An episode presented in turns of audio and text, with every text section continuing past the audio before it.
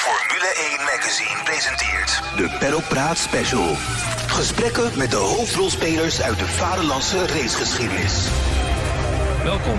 Mooi dat je luistert naar deze aflevering van een speciale serie van Berk Praat. Mijn naam is Sjaak Willems en samen met mijn Formule 1 Magazine collega André Venema praten wij uitgebreid met de hoofdrolspelers van de Nederlandse racegeschiedenis. Deze week komt de Nestor van de Nederlandse racehistorie aan het woord. Michel Blekemolen is vrijwel altijd met snelheid en autosport bezig. Op een van zijn kartbanen of op Zandvoort met Race Planet. En anders wel, omdat hij zelf wel altijd heel veel race in allerlei uithoeken van Europa. Blekemolen deed mee aan meer dan duizend races. Hij is inmiddels 70 jaar en nog altijd competitief met autoracen bezig. Hij vertelt over zijn eerste crash op de openbare weg in Haarlem. De rock'n'roll jaren komen langs. Barretje Hilton, zijn pogingen om de Formule 1 te bereiken... en over hoe hij Ronnie Peterson van dichtbij zag voor ongelukken. We gaan naar Amsterdam. Veel plezier. Formule 1 Magazine. Perropraat, special. Uh, Michel Bleekmolen, bedankt dat je de tijd voor ons uh, hebt gemaakt. We zitten in een van je drie uh, kartcentra in Amsterdam. Ja. Je bent eigenlijk constant met hardrijden bezig. Maar wanneer werd je nou eigenlijk voor het eerst gegrepen door het racevirus? Dat was eigenlijk al toen ik heel klein was. Een jaartje of zes, zeven. En toen nam mijn vader me een keer mee naar het circuit. We wonen niet, niet verder vandaan in Haarlem. Dus ja, toen was ik in één keer verkocht. En toen uh, ging ik eigenlijk heel veel naar het circuit toe. Ik ging altijd uh, op de fiets. En de Haarlemse tram had je nog. Tot 1957 of iets, weet ik het. weet ik nog goed. Voor een dubbeltje had je een retourtje. En uh, ja, dan ging ik kijken. En dan liep ik met de te helpen. En ik heb ze allemaal meegemaakt. Hè. Ik, ik heb Karel Codette voor. Die je helaas natuurlijk niet meer kan interviewen. Want die leeft niet meer. Maar uh, dat was ook een van de, de derde Nederlandse Formule 1-coureur, geloof ik. En ja, daar liep ik allemaal uh, ja, smachtend naast. Van, daar moet ik ook, dat moet ik ook doen in mijn leven. Toen wist je het eigenlijk al? Ja, dat is heel frappant. Ja. Ik had echt een bepaalde visie. Hoe klein ik ook was, dat wil ik. Ja, en je zag destijds natuurlijk ook al vele grote namen op Zandvoort passeren. Ja, ik, ik zag pas nog een, een foto. Daar stond ik bij de huldiging naast Jackie Stewart. Ik ben hem helaas kwijt. Vond ik zo apart. Ik zag mij ineens als 15-jarige zag ik ernaast staan. Dus ik was wel altijd heel gefascineerd. Ja. Waren, waren die sterren destijds, waren de, de grote namen uit de auto, waren die, waren die toegankelijk? Ja, ja, eigenlijk wel, ja. Ja, ik sprak natuurlijk geen Engels op die leeftijd, maar die waren wel toegankelijk. Eigenlijk veel meer dan nu, want als je nu het paddock loopt van Formule 1... ja, dan lijkt het wel maandagochtend op een circuit wat verlaten is. Want daar lopen bijna geen mensen die daar niet thuis horen. Dus uh, ja, dat was een andere tijd. Die mensen stonden naast je en dan kon je ook nu horen als je naar Max loopt... ik heb hem nog nooit zien weigeren een handtekening te geven of weet ik het wat... Dus uh, foto te maken, je ziet dat dat nog altijd wel kan. Maar je ziet ze niet zo makkelijk meer natuurlijk nee, voor nee. het publiek. Nee. En wat was, wie was jouw eerste echte raceheld? Ja, dat was denk ik toch wel een beetje Sterling Moss. En uh, dan denk je in die tijd van slechte communicatie... Dat, uh, dat die mensen niet bekend waren. Maar ik weet nog heel goed dat Sterling Moss was toen ik uh, 10, 12 was, 13, was gewoon een grootheid. Hè. Die was ook een, een ja, geen Max natuurlijk, uh, maar misschien was hij dat wel in Engeland, dat weet ik niet. Maar dat waren toch wel mensen met name. En het was wel, uh, was wel apart. Ik uh, had een keer een autostepje met een motortje gebouwd. En toen werd ik aangehouden. En uh, zei die agent, die stopte met zijn auto naast ons, die stapte uit. Zo, Sterling Mos, die gaan wij maar eens even mee naar het politiebureau nemen. dat zit toch altijd in me. Terwijl ik juist fan van Sterling was en dan dat, uh, dat commentaar te krijgen van de politie. Ja, dus met dat, kart, uh, met dat kartje is ook enige schade ooit aangericht, geloof ik. Ja, dat was weer met, een, met vierwielen. Dat was inderdaad met een kartje, ja. Ik had met mijn 14 of 15 had ik een kartje gebouwd. En redelijk profi maar toch niet goed genoeg. Dus ik rijd door een nieuwe wijk, Schalkwijk in Haarlem. Daar was nog bijna niks, maar lagen wel al die wegen. Dus ja, dat was ook fantastisch. Een mooi rechte einde, denk ik. Lekker rechte einde. En uh, ik, ik pikte ook wel eens autootjes uh, van, uh, van mijn broers vrienden. Zo, dan ging ik er ook wel eens rijden. Maar ik reed met het kartje en ik rem af. En een heel eind verder is het winkelcentrum, wat er nog steeds is. En het oude winkelcentrum. En ik rem en de wiel rolt eraf. Nou ja, ik denk niks aan de hand. Ik wist hoe het erop moest weer. Maar ik zie het me doorstuiteren. En er staan schuine borden voor een uh, groentewinkel. En ja, op zaterdagmiddag, dat hele grote ruit in duizend stukken. Complete paniek. Dus ja, dat was wel, uh, was wel een belevenis. Maar toen bepaalde ik, ik ga weer een goede bouwen. En dat heb ik dan ook wel gedaan, ja. En uh, hoe werd dat thuis ontvangen? Nou, de rekening moest er. Ja, dat was 500. Ik heb de rekening heb ik nog. Wel grappig. Ik werd veroordeeld tot 25 gulden boete. En ik kreeg mijn kartje ook weer terug. Oké. Okay. Daar was ik wel blij mee, want er zaten allemaal onderdeeltjes op die ik wilde hebben. Het stuur en stoeltje. Want ja, dat kostte allemaal ja. uh, bij Evert Boslandia in, in de Meren. Toen de bekendste kartfabriek. Kocht ik die onderdeeltjes. Dus dit moest ik weer terug hebben om een goede te bouwen. Maar uh, ja, 25 uh, gulden. En toen ben ik weer in een goede gaan bouwen. En toen ben ik gaan karten enzovoort enzovoort. Ja, want daarmee begon het ook wel, hè? Ja, dat uh, was... ja, het race bestaan. Ja, kon niet slapen natuurlijk voor de eerste race. En dat was natuurlijk heel apart. Dus het was ja, een mooie tijd eigenlijk. Ja, beschrijf eens, hoe ging dat uh, vroeger? Je ging wel ja. echt uh, de wijde wereld in, hè? Ja, dat was uh, apart. Weet je wat fantastisch was? Het waren de stratenraces. Die zou ik zo nog willen rijden. Op de kart? Dan ging, op de kart. Dan ging je naar Limburg, kreeg je 50 gulden zelfs wel. vergoeding, dat was heel wat. Want je was 15 gulden benzine kwijt hooguit. Om er te komen. En ik had mijn zwager, die gooide hem dan weer op het dak of in de kofferbak. En zo ging ik uh, overal naartoe. En later ging ik ook allerlei internationale races rijden. En heel veel stratenraces in Duitsland gereden. Echt fantastisch. Maar dat was ook in de tijd van het IJzeren Gordijn dan? Uh... Ja, ja. Ik ben ook wel naar in Berlijn. Op de AFOES heb ik natuurlijk nog gereden. Dus dan moest je door Oost-Berlijn heen. De transit? En, uh, of ja. Nee, dat was nog ver voor de transitweg natuurlijk. Uh. Ja, nou ja, je moest natuurlijk een stuk eroverheen. Ja. En je moest bij Checkpoint Charlie ja. er doorheen. Ik weet nog wel, we stonden daar in de, in de rij. En ineens hoorden we schieten. Dat was best wel eng. En um, ik was met, uh, met Dirk Boewalda, de, de latere perschef, die helaas pas ja. overleden is. Die was er ook bij. En uh, nog een twee vriendjes. En die hadden de nieuwe revue bij zich. Maar de nieuwe revue was in die tijd een beetje pikant blaadje. dus... Uh, Nog steeds wel, toch? Af en toe een borst. Op een andere manier. maar in ieder geval, ja, dat was wel leuk. Want die fopo's die gingen onze auto nakijken... omdat mijn vriend zo vriendelijk was om een foto te maken. Nou, dat is natuurlijk ja. dodelijk. Ja. Uit de rij, we waren met een kevertje en een aanhartje erachter. Stoelen werden uit de kever geschroefd. En, uh, maar ze stonden maar steeds in die revue te kijken. Dat vonden ze zo mooi. Kauwgompakjes, die werden opengesneden... en werd helemaal gekeken of er wat in zat. Totaal onzin natuurlijk. En... Uh, Uiteindelijk toen mochten we na een uurtje weer uh, in de rij gaan staan. Duurde ook weer een uurtje in die tijd. En toen uh, vroegen ze of ze die een nieuwe revue mochten houden. Ja, ja, ja, ja. hoe zijn ze? Maar ja, dat waren eigenlijk wel spannende dingen. En toen leerde ik uh, met karten ook Kekke Rosberg kennen. Oké. Okay. was wel grappig, want met Kek heb ik laatst, later van alles Formule V meegereden. Formule 2 bij Fred Opert in in de Formule 2, ja, het Europees kampioenschap races en zelfs bij uh, ATS Formule 1. Dus uh, kijk, er was altijd, uh, we kwamen elkaar weer tegen, dat was grappig. Heb je nu nog een, als je hem ziet, is dat nog steeds... Ja, dan zeggen we elkaar nog wel gedacht natuurlijk. En dat is al eigenlijk met iedereen wel. Als je Mensel of weet je, al die mensen uit die tijd... Dat was natuurlijk... Een soort verbondenheid. Ja, wij, wij reden heel veel races, Europees kampioenschap later met, met Formule 3. En dat was eigenlijk ja, een hele groep mensen. Die kwamen allemaal in de Formule 1. Ik ook. Maar ik was er ook het eerst uit. ik was er het eerst in, het eerst uit.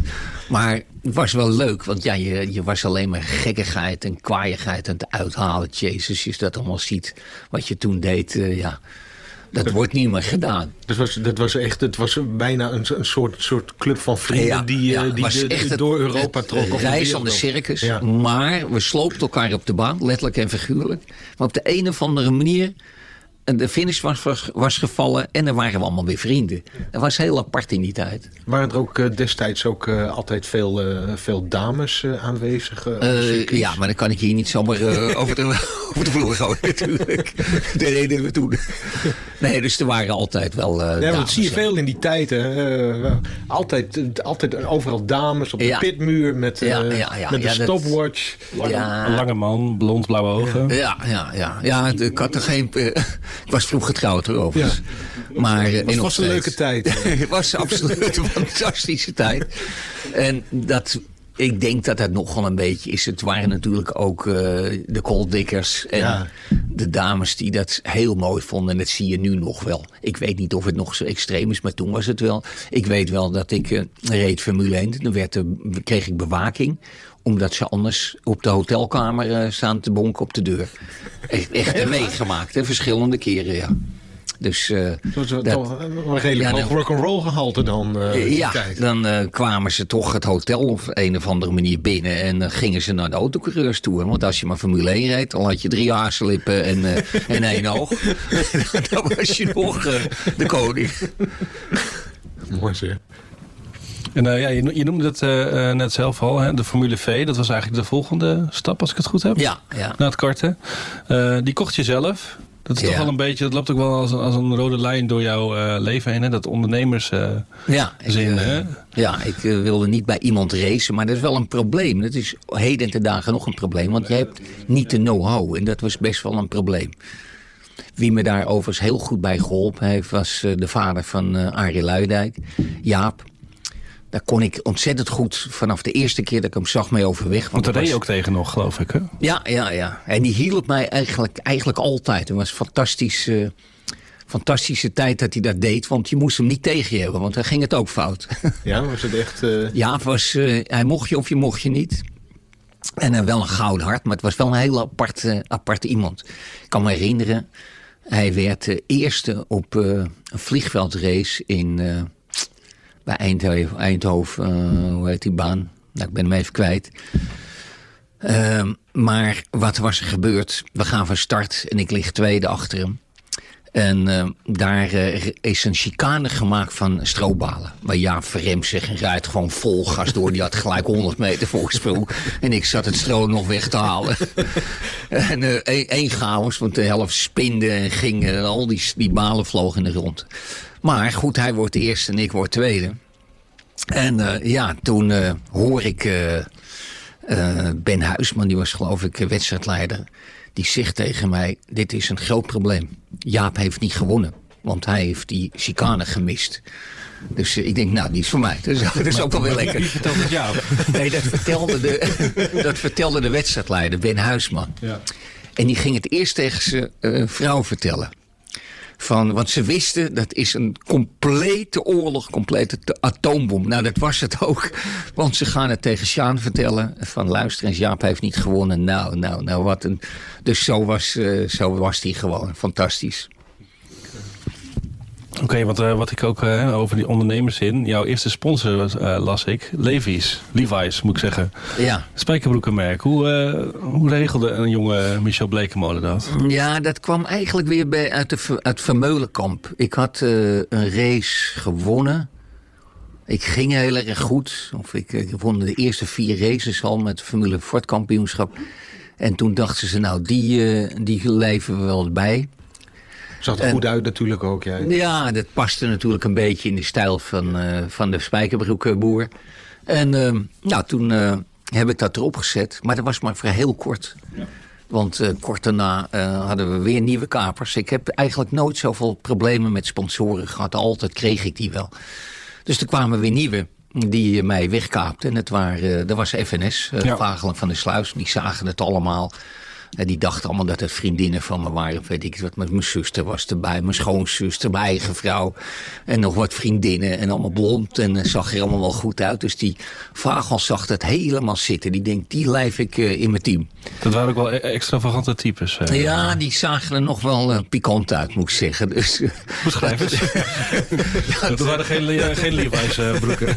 nee, nee, iets korter. Korter? Wat niet uit. ja. Dus eh, ja, dat, dat, vond, eh, dat vond die Vagel met name fantastisch. En eh, ja, dat was eigenlijk weer een paar jaar een hele goede en leuke tijd. ja, dat waren twee vastgoedmensen die, nou ja, die, die hebben volgens mij best veel geld verbrand in de, in de, in de autosport. Ja, op zich valt het ook wel weer mee. Ze hebben best wel wat geld uitgegeven, met name aan Boy Haaien. En ze hebben mijn Formule 3 seizoen betaald. En dat werd ook weer gedeeltelijk betaald door Chevron zelf. Wat, wat kostte zo'n seizoen destijds? Mhm, 230, 240.000, als ik me goede gulden. Maar ja, vergelijkbaar met nu in, in euro's natuurlijk. Maar dat was best natuurlijk nog wel wat geld.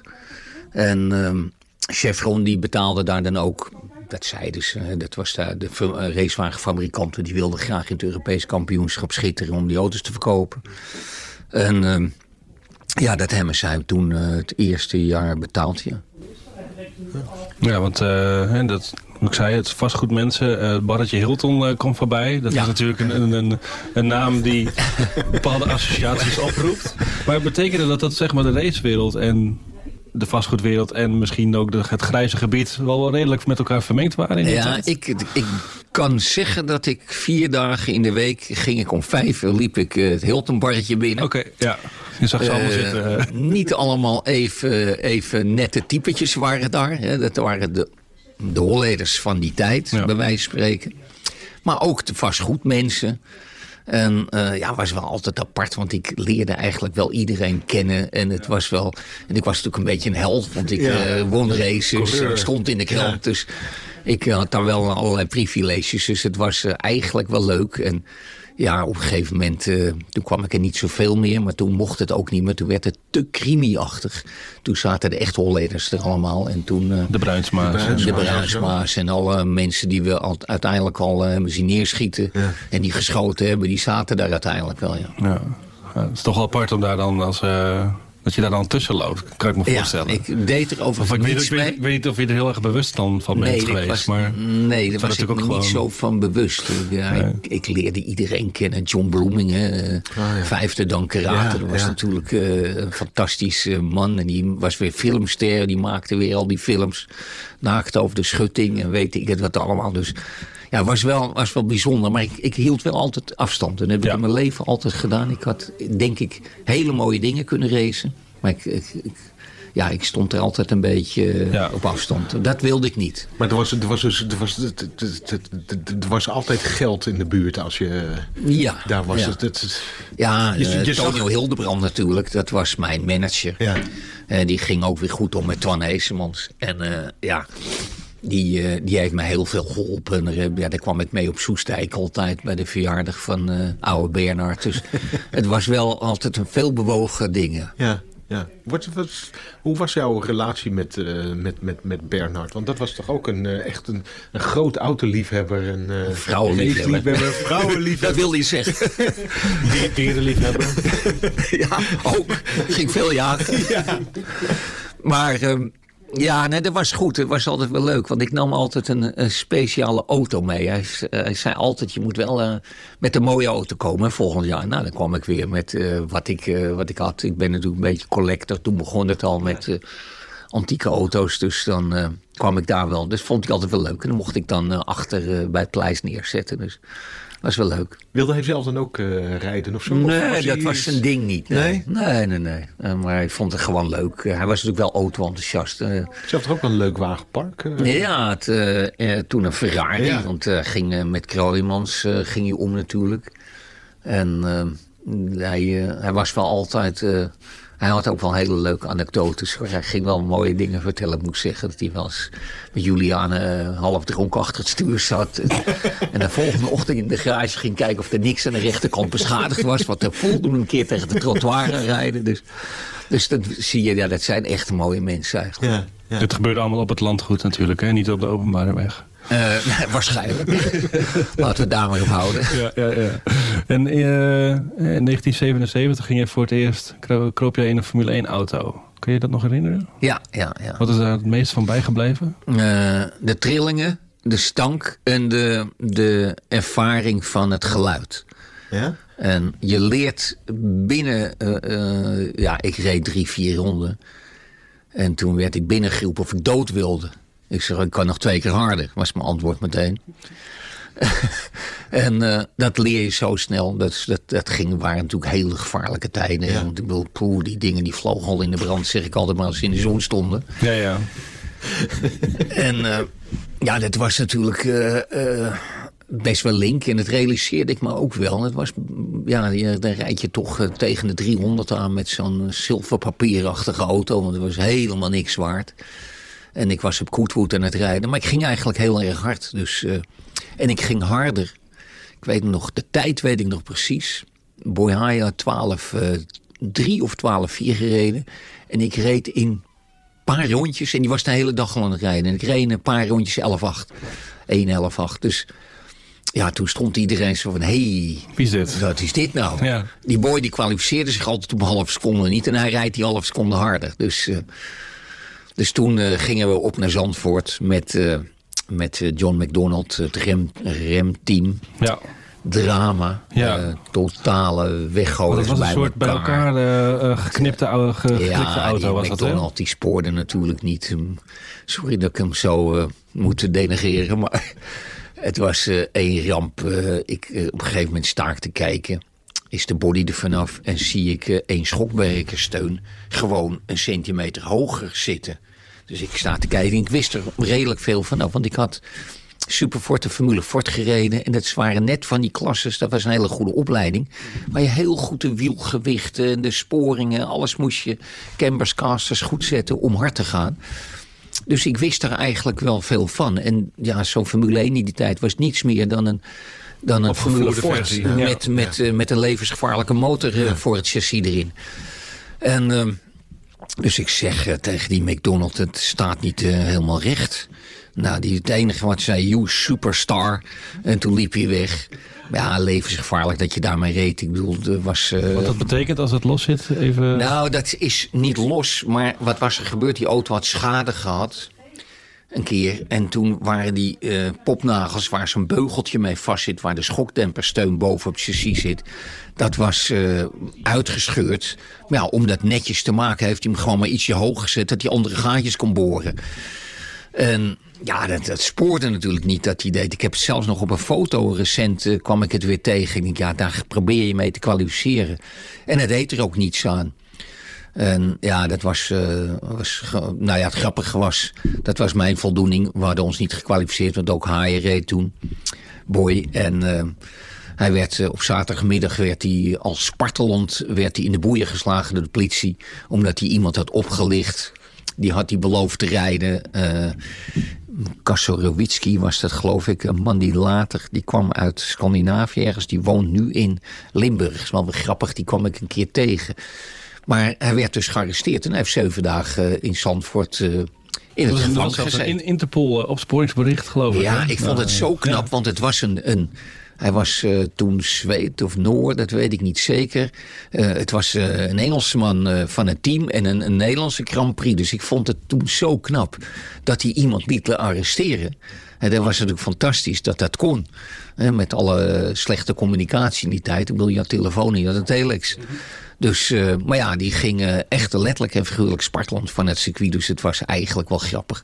Minder leuk dingetje was op maandag. Ochtend stond er in de krant mijn foto op de voorpagina gearresteerd eronder. en toen stond op de.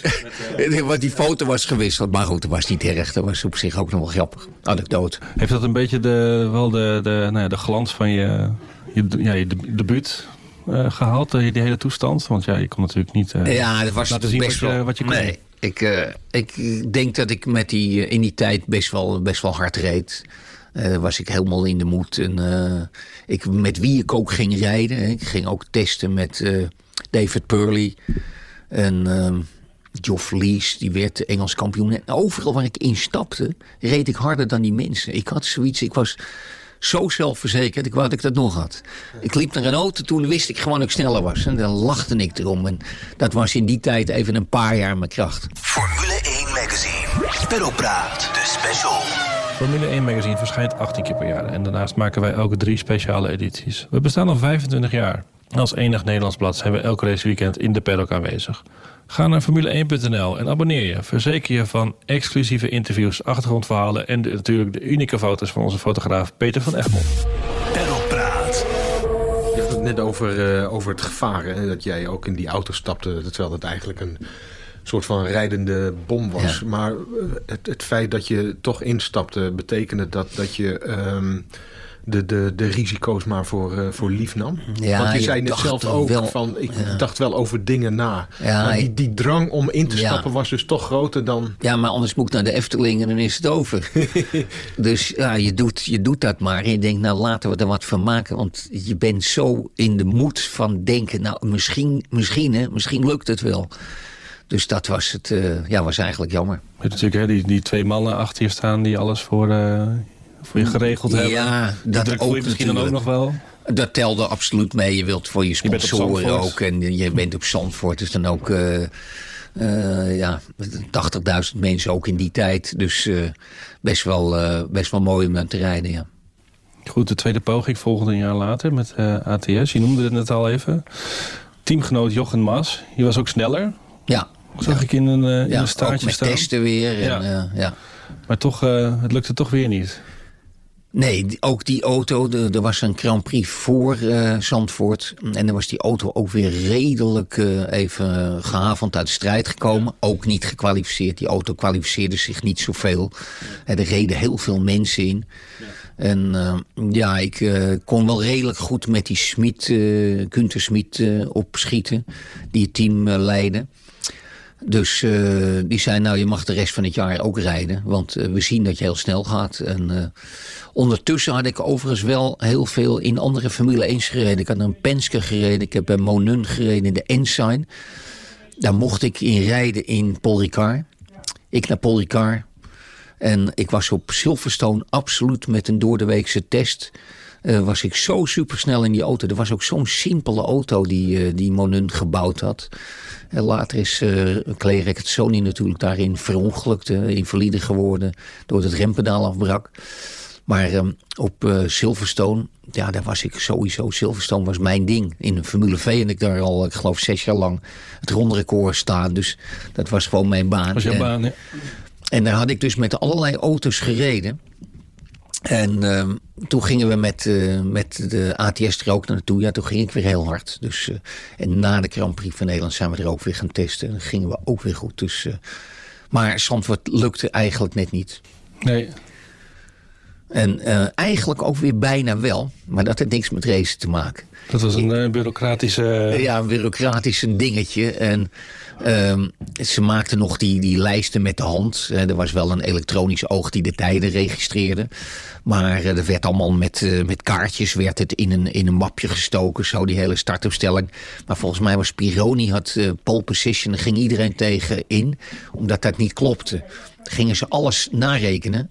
En uh, wat was er dan gebeurd? Twan Heesemans was even de tijdwaarnemershuis binnengelopen. En ik had 1,21 en nog wat.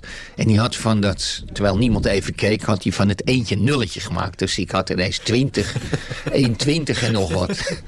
Dus uh, Twan komt helemaal zo, nou, uh, voor elkaar hoor. Je zit erin.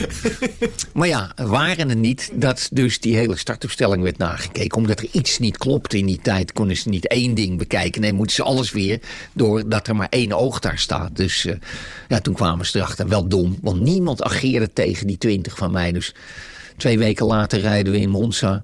En uh, uh, Massario, die was absoluut langzamer dan ik was.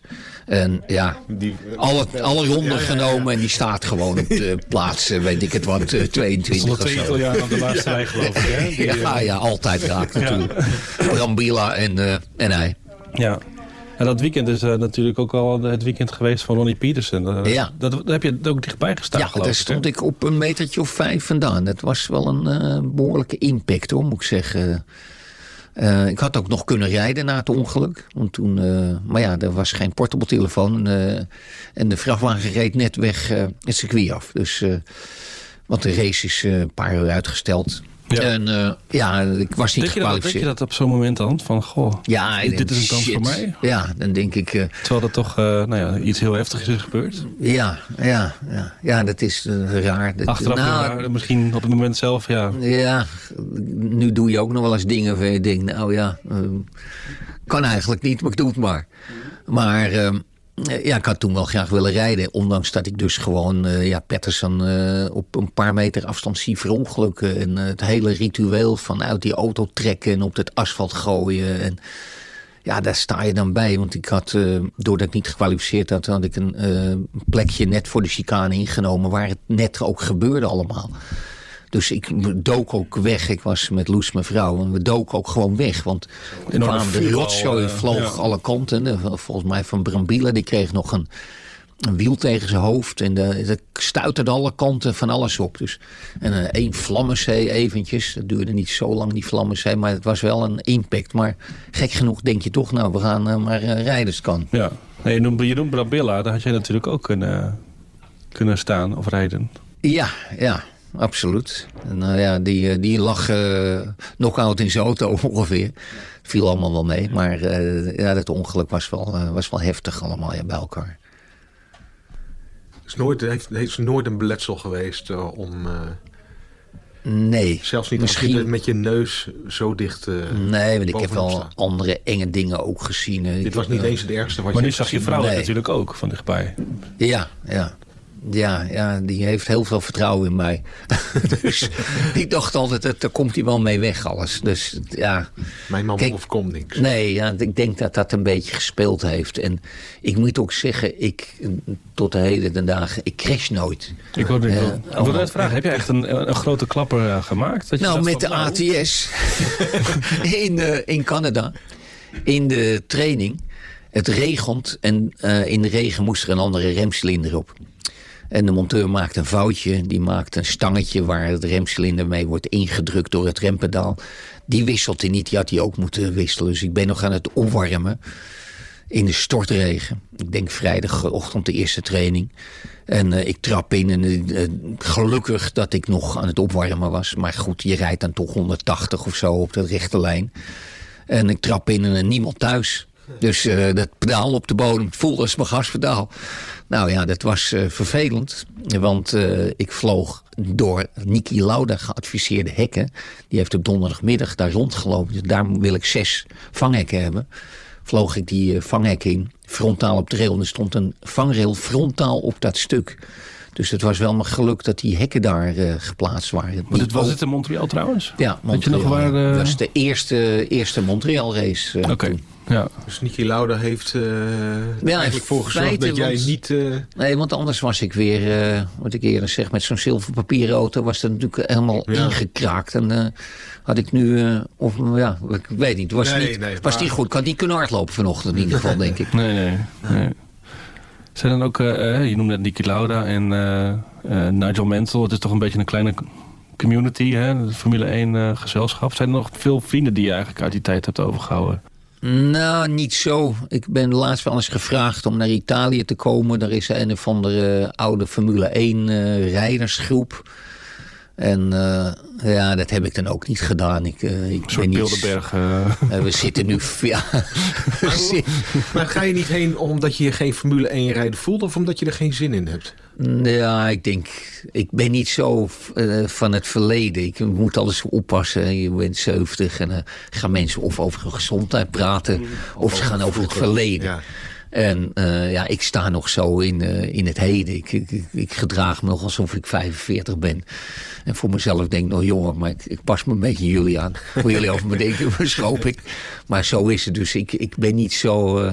Aan de andere kant is het wel leuk als ik, als ik mensen tegenkom. En ik kwam Laurari, Oscar Laurari, kwam ik laatst een keer tegen. En, en waarschijnlijk, ik rijd dit jaar met de NASCAR, dat gaat zeker door. En waarschijnlijk rijdt er ook Patrick Kejar met zijn zoon. Die heb ik niet gezien overigens, maar dat vind ik dan leuk als ik die tegenkom. Want die heeft ook een zoon van een jaartje of dertig of ja. zo. En die uh, gaan dan waarschijnlijk samen met uh, NASCAR rijden. Dus uh, dan vind ik dat wel weer grappig als ik die tegenkom, ja. Maar ik schrik altijd van de oude heren en de Alan Jones en zo. Die heb ik ook nog wel eens een keer ontmoet, een paar jaar terug. Maar dan is dat ineens wel een hele oude Zin, man. Hè? Ja. Maar ja, dat moet je aan wennen. We worden ouder, we kunnen, het gaat niet anders. Ze zien er allemaal niet zo uit als u. Uh, op, nou, dat op is denk ik, toch? En zo actief ook nog. Uh, ja, dat komt ook. Ik ben, altijd, ik ben altijd bezig. Rook niet, drink niet. Uh, geen koffie, daar word je lelijk van, hoor ik. Dus, Dank je. ik zag hem al leeg. Ik had je een dubbele gegeven. ja, en ehm, goed. Nog heel even terug naar de, de Formule 1. Want in 79 had je nog even uitzicht op een, op een zitje. Ja, het Lotus B-team. Dat vergeet ik eigenlijk nu je ja. dat uh, terughaalt. Ja, dat was wel apart. Dat, dat uh, op papier zag het er allemaal fantastisch uit. Ja, het was klaar. Ja. Het was, dat ging om 1 miljoen. BS Fabrication, Bob Sparshot, was dat geloof ik. Die had een, een bedrijf uh, die allerlei onderdelen ook van Lotus maakte. Voor de Lotus waar Andretti uiteindelijk mee wereldkampioen werd. Ja. En um, toen zijn we nog naar, naar Colin Chapman gegaan. Met het vliegtuigje naast de fabriek geland. En uh, toen was de deal rond. Uh, Rupert Keegan, die ook Formule 3 reed en die ook Formule 1 reed. Wij tweeën zouden in het B-team van Lotus gaan rijden. Een soort Toro Rosso-achtige uh, nou, constructie misschien ja, wel. Maar ja. natuurlijk fantastisch, want het was de wereldkampioenschap auto. Het kon niet beter. Uh, Patterson net wel verongelukt, maar... Uh, Andretti kampioen. ja. Reed in Amerika, reed hoe heet hij ook alweer, Kop. Nou, die, die won daar ook weer bijna de race mee. Dus de beste auto's, denk je. En uh, was allemaal in kan en kruiken. En op de een of andere manier... Uh, de kranten er vol van. Hè, dat eindelijk een Nederlander met een echte auto ging rijden. Eens wat eens wordt. Kieken happy. Ze moesten wel met twee auto's komen. Dat was wel een verplichting, denk ik, al in, in, in 79. En toen ehm, zie ik ineens een, eh, een staatje van de Formule 1-rijders in een Duits blad. Uh, onder mijn wintersportvakantie lees ik dat. En daar sta ik niet bij. En er staat dus het Lotus B-team niet bij. En wat was er nou gebeurd? Tony Hildebrand die zou die hele inschrijving op zich nemen. Die zegt ook, en ik denk ook dat dat gebeurd is... die zou zowel voor Kieken en voor, voor onszelf uh, zouden het aanmelden. Dat was wel aangemeld, maar uh, ik kreeg uh, de ruimte tot, tot 15 december om ook als rijder in te schrijven. En de KNAF had dat gewoon ja, ja, niet gedaan, verzaakt om dat te doen. En dat was kaas voor, voor Bernie Ecclestone. Want ik was auto nummer 31 en 32 uh, in, het, uh, in het hele veld. En als er meer dan 30 moesten, dan uh, moesten ze pre-qualifications houden. Daar en dat deden ze vanaf, liever niet. Ja, daar wilden ze vanaf, want het was op vrijdagochtend een uur lang.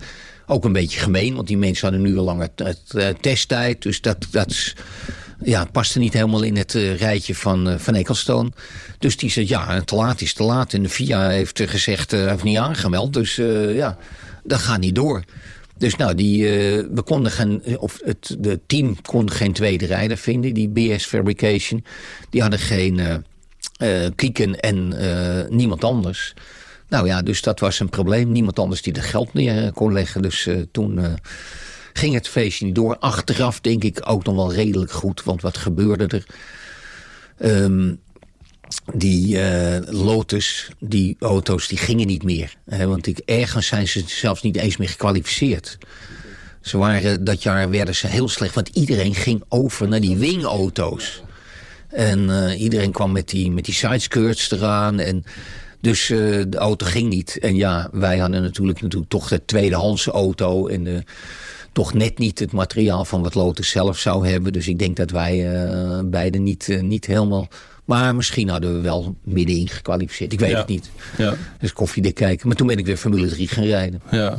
Want uh, voordat we naar de Formule 3 gaan, we vergeten het alle, in alle, in alle ellende. Je hebt wel één Grand Prix natuurlijk gereden. Ja, ja, ja. Ja, dat was ook wel weer spannend. Eindelijk gekwalificeerd. Met uh, echte tijden. Niet uh, gefabriceerde tijden op papier, maar... want er waren in die tijd natuurlijk vrij veel rijders. Hè. Er moesten er vrij veel afvallen steeds. En uh, ik stond op de krit, kom aanrijden en de body gaat er nog even af. En uh, ik zit zo uh, een beetje met mijn stuur te spelen. Zo. Ik voel of speling in zat. Het, was, waren allemaal van die dingen die ik altijd deed. Nou, in het stuur zat weinig speling. Maar in het chassis des te meer. Ik zie dus gewoon die hele auto's zie ik alles maar flexen. Dat zijn een soort aluminium buizen. Hè, vierkante buizen. En daar uh, zitten de ophangingen aan vast. En al die popnagels waar dat mee vast uh, zat... ja, die zijn uh, een beetje uitgelubberd geweest. Dus dat hele chassis ging op en neer. Dus ik denk, oh shit. Dus die monteur meteen... Hmm, nou, not driving. Too dangerous. Ja, ik denk, ja, dat gaat me echt... Uh, het, uh, dus dat was voor de race. Was voor de race, ja. op de krit. Ja. Op de krit, ja. Verdorie. Dus... Uh, Ik zeg, gooi die body erop. I take the risk. En kijk, want het valt er niet af. De wegligging is alleen. Hè. Dat verklaarde wel een hoop dat die wegligging niet goed was. En uh, Rosberg was overigens wel redelijk goed. Die had een splinternieuwe auto van ATS die, het, die, het goed, die ik eigenlijk ook zou krijgen. Maar uh, er was er eentje totaal losgereden door uh, Jochem Mas met een test. Komen we zo nog wel even op terug. Maar in ieder geval... Uh, ja, toen ben ik gaan rijden. En toen zat ik toch wel, ja, uh, uh, François Ferry verongelukt, snel circuit. Het ging eigenlijk heel erg goed. Ik reed zo goed. Ik sneed de hele chicane af. Het leek wel een Formule Ford wedstrijd. Ik denk, scheid aan. Ik rijd gewoon vol over die curbs. En uh, ligt zelfs heel eventjes negende. Kun je nagaan van de, van de 24e plek. Door de, door de Marcel, moet ik ook zeggen. Maar goed, uh, dat duurt natuurlijk maar een rondje of, meer, of minder. Maar dan rij je wel even tussen al die... Ja, dus, ja, ja, maar dat, die kende ik natuurlijk wel allemaal ja. een beetje weer. En uh, ja, toen was een rondje of uh, tien of zo. Toen ben ik naar, naar binnen gegaan. Ik denk, ik moet toch even kijken of het niet uh, allemaal uit elkaar breekt. Dus de body eraf aan het stuur. Ik denk, nou, nog hetzelfde. En weer verder gehobbeld. Dus zo ging het er niet uit. Ja. Maar was eigenlijk ook jammer dat ik niet de nieuwe goede auto kreeg. Want Roosberg kreeg die. En uh, er waren er twee gebouwd. Maar Jochem Mas was in de, een van die twee tijdens een test uh, was hij uh, zwaar gecrashed. Hij zelf ook. En, um, de reden waarom jij natuurlijk ook... Ja, waarom ik met die oude auto weer naar Amerika ging. Dus dat was, was jammer. En Mas die lag nog steeds in het ziekenhuis. En daardoor werd Roosberg weer opgetrommeld. Dus ja. En Mas heb ik ook nog naar het ziekenhuis gebracht overigens. Want met een test uh, zie aan het eind van het rechte stuk doodstil op maandagochtend op Silverstone. Kijk ze op het rechte stuk en Jochem reed al een paar rondjes. En ik rijd net de pitstraat uit. En ik kom achter op dat lange rechte stuk. Ik denk, wat ligt er nou allemaal? Ik was nog aan het opwarmen. Dus ik stop daar. Nou, niet te geloven. Die hele auto in duizend stukken. Overal lag wat. Te tikken, benzine op de straat. Ik zag eventjes zelfs niet uh, waar hij was. Maar hij zat in een stukje aluminium van, nou, van een meter bij 50 centimeter of zo. Daar zat hij helemaal in verfrommeld. Ik kon ook niks doen. hij had zijn benen gebroken, geloof ik. Ja, en zijn heup, geloof ik. Zijn ja. benen. Het zag er... Uh, en hij bleef wel bij kennis hoor. Ik bleef met hem praten. Voorzichtig zijn helm. Want ik denk, ja, direct heeft hij iets aan zijn nek. Maar ik vroeg mm -hmm. meteen of hij hem kon bewegen. En, en uh, kon alles bewegen. Zelfs zijn tenen.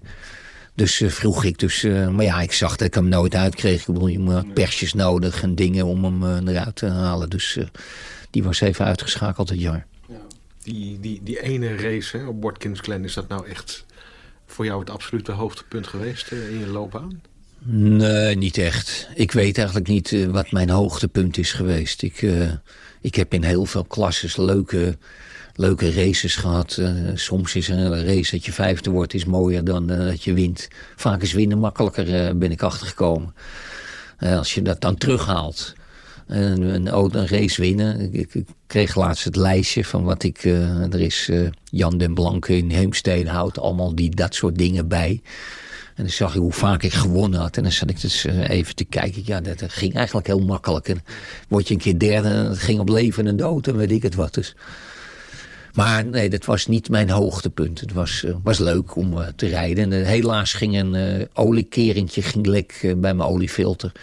Het rubbertje spoot er tussenuit. Want anders had ik nog wel gefinished. Toen lag je, weet je nog hoe... hoe nee, dat lag? weet ik niet. Ik heb Nee. wel de labcharts nog ergens liggen, handgeschreven. Heb je, heb, je, heb, je bewaar je, heb je heel veel dingen bewaard? Hè? Nou, ik heb meer dingen bewaard dan ik wist. Want we zijn een jaartje of vijf terug heeft Co Dijkman en Rick Winkelman een boek geschreven. Toen ben ik met Co eens even bij mij op de zolder gaan kijken. Kubieke meters, krantenknipsels en uh, dia's, foto's en weet ik het wat allemaal. Dus toen kwam ik dat soort dingen nog wel tegen.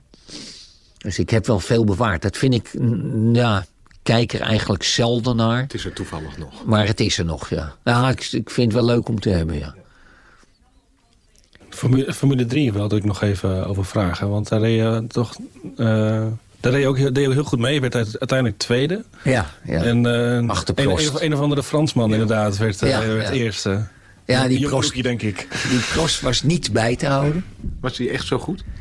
Uh, nee, want het jaar daarvoor wisten we niet eens dat hij meedeed. Hè? Toen won hij de laatste race in Garama. Dat was voor mij de laatste race in 78. Want toen moest ik Formule 1 zo nodig. Maar toen won hij wel uh, de voorlaatste race. En toen uh, werd hij die race voor het eerst 100% geholpen door Renault. Er waren mensen van uh, Renault Spoor bij.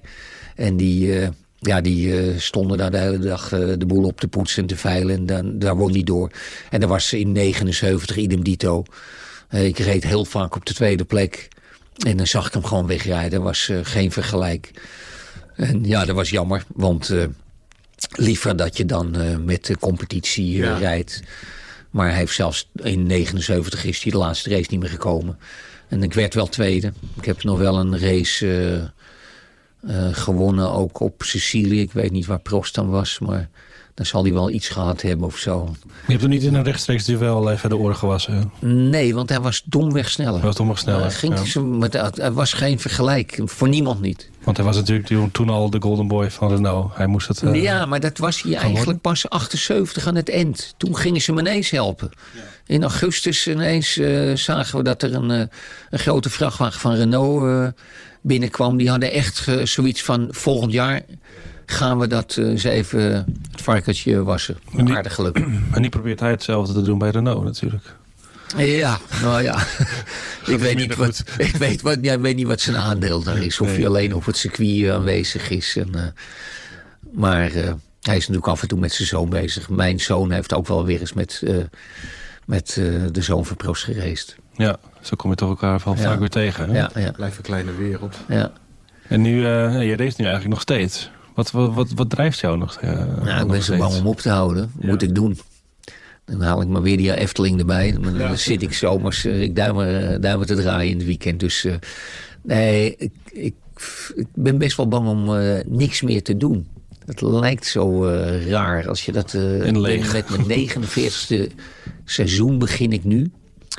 En bij elkaar ben ik al 52 jaar met mijn karten bezig. En altijd maar je koffertje pakken. Maar ik zou niet meer. Ik heb een jaartje of zes terug reed ik nog meer dan 30 races ik de GT Masters, ADSC. En reed ik op Zandvoort allerlei races. En dat is al acht jaar terug, denk ik. Echt gewoon heel erg druk. Maar dat zou ik niet meer willen, want ik wil ook andere dingen doen. Die doe ik ook. Maar ik vind het fantastisch uh, nu uh, weer... Uh, ik heb iets nieuws ontdekt. Dat is echt die NASCAR. Dat is fantastisch. Dat is zo leuk. En ja, dat is... elke keer geniet ik als ik daarin stap. Ik was eerst...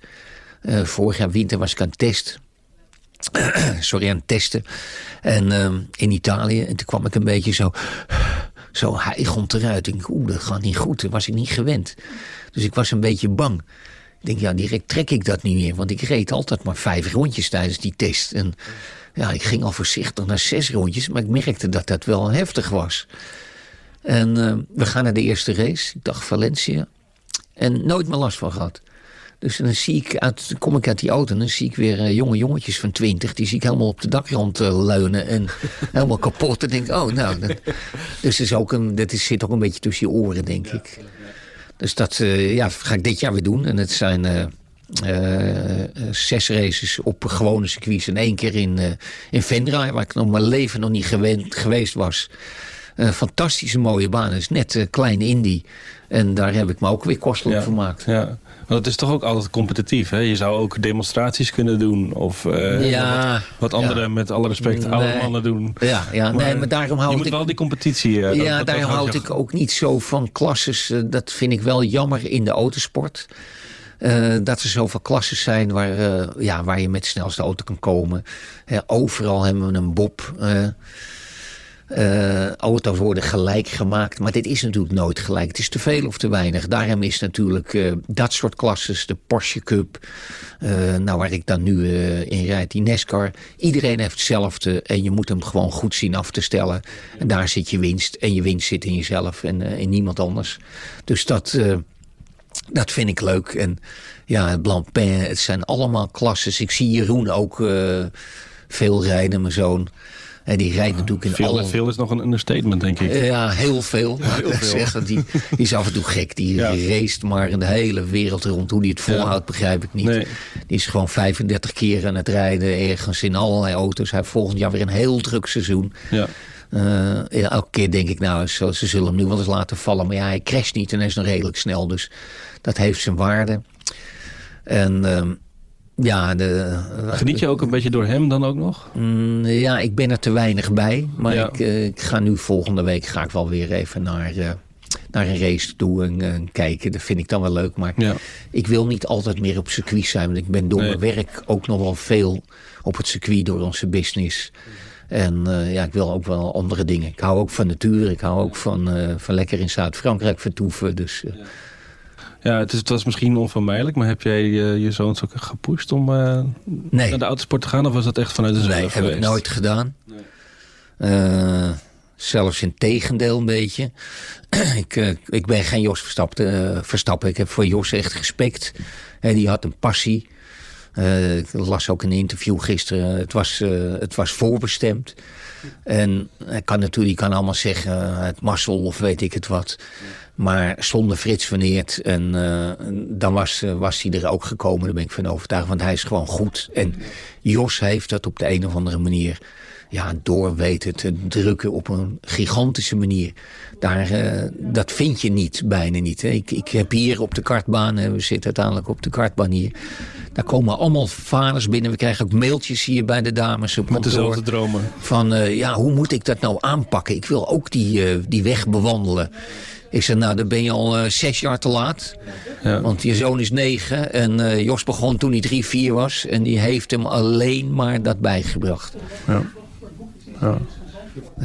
Over, uh, nog even iets anders over, uh, je had het net over Zuid-Frankrijk.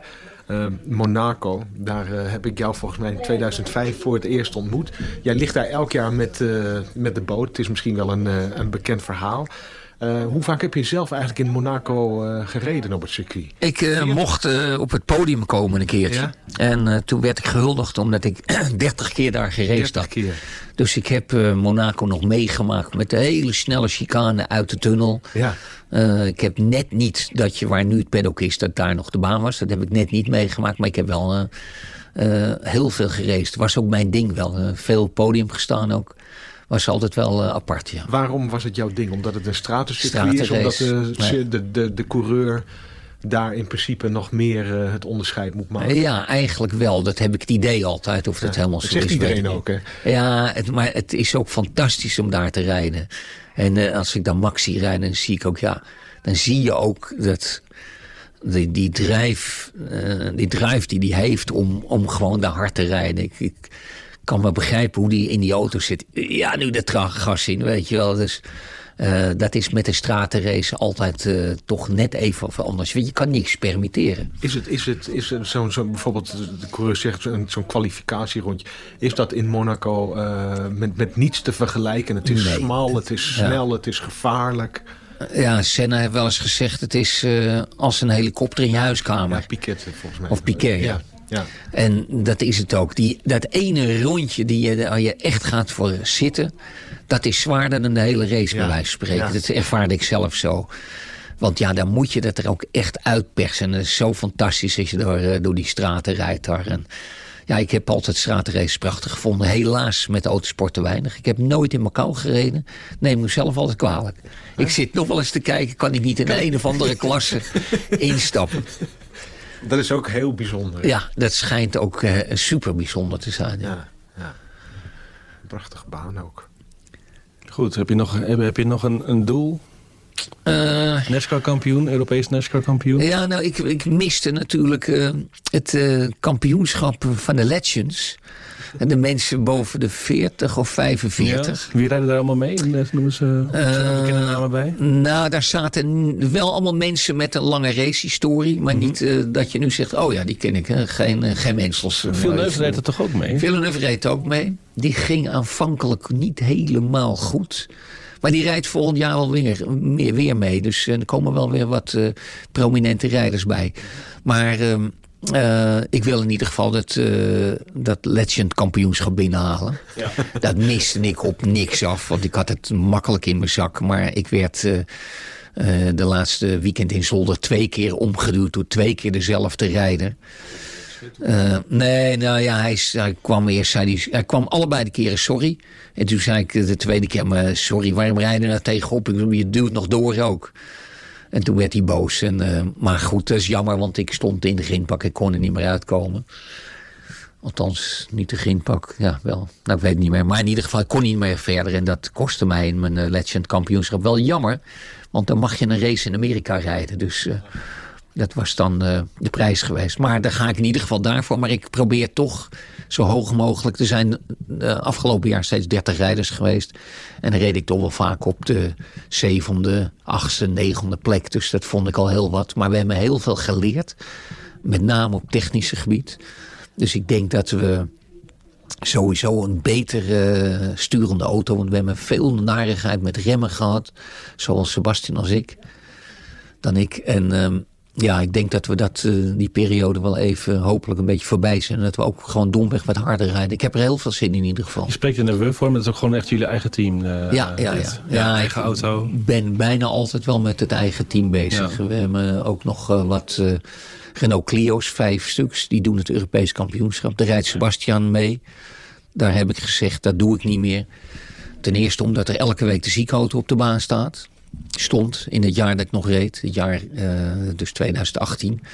En toen denk ik, nou dat, dat, zie ik niet meer zitten. Elke keer die klappers. En uh, je moet daar echt overleven. En uh, ook omdat er ook weer zeven races zijn. Dan was ik met veertien weekenden bezig. Dus Sebastian doet dat met twee Poolse rijders en een Duitse rijder. En Melvin de grote Nederlandse rijder. Komt er een dag dat jij niet meer gaat racen? Uh, ja, dat zou moeten zijn wanneer mijn uh, rollatorwieltje eraf breekt of zo. Want uh, ik, nee, ik, nee, ik denk dat ik... Zolang je kunt lopen, zolang je gezond ja, van ja. geest bent, zul je blijven ja. racen, denk ik. Ja, dat denk, heb ik wel het idee voor mezelf. Ja. Ik zal niet zo gauw stoppen. Er moet wel iets zijn waar je kunt rijden. Want dat is ook een ding. Want ja, wat moet ik nou rijden? We hebben TCR nog wel wat lange afstandsraces meegereden en ook gewonnen. Met Sebastian samen, Melvin de Groot, heel leuk. Um, dus, uh, maar dat is niet zo mijn ding. Ik, ik wil niet van anderen afhankelijk zijn. Ik, racen moet ik uh, alleen doen. Uh, ik heb het sturen en niemand anders. Dus ik wil sprintrace rijden. Dus die moeten er nog wel zijn. Maar ja, voorlopig misschien nog wel één of twee jaar de NASCAR. Of ja, weet ik het. ik sta overal weer voor in. Ja, still going strong. Ja, dankjewel. Oké, okay. nou, ja. was goed. Hij staat erop. Dit was de Pedalpraat Special. En dat was Michel Blekemolen, de eeuwige racer. De tweede aflevering van de Pedalpraat Special serie zit erop. Als je de vorige aflevering, de dubbelheader met Christian Albers, nog niet geluisterd hebt... deze is ook zeker de moeite waard. Voor nu, tot de volgende. Deze podcast van Formule 1 Magazine is geproduceerd door Hassan El Maroudi van podcastservices.nl, Jonathan Leij en Almar Uilenbroek. Een speciaal woord van dank naar Hans van der Klis voor diens boek Dwars door de Tarselbocht. Tot volgende week.